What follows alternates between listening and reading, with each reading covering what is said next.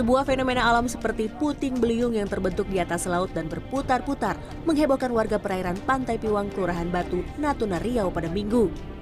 Warga sempat panik lantaran jarak yang sangat dekat dengan permukiman warga. Rekaman video amatir milik warga itu pun viral di sejumlah media sosial.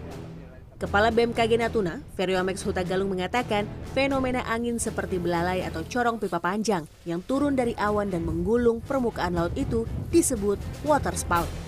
Water sport ini merupakan fenomena seperti puting beliung kalau terjadi di daratan, tetapi hal ini terjadi di perairan atau di lautan.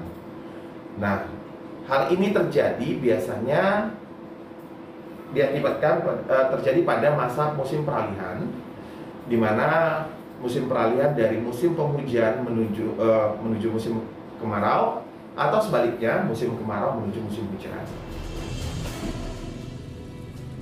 Pihak BMKG menghimbau warga untuk selalu waspada lantaran kondisi cuaca di Natuna yang masih berpotensi hujan selama beberapa hari ke depan dan fenomena water spout bisa kembali terjadi.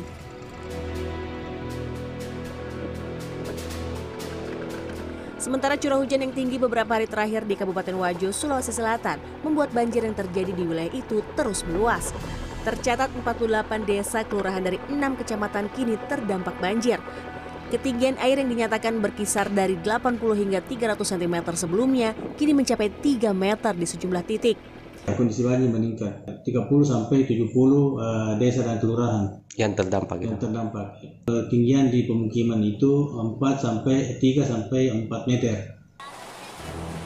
Intensitas hujan yang kembali meningkat sejak tanggal 28 Agustus 2021 lalu membuat debit air di Bendungan Kerak naik dan meluap ke aliran sungai di sekitarnya hingga menuju banjir. Tim Liputan CNN Indonesia.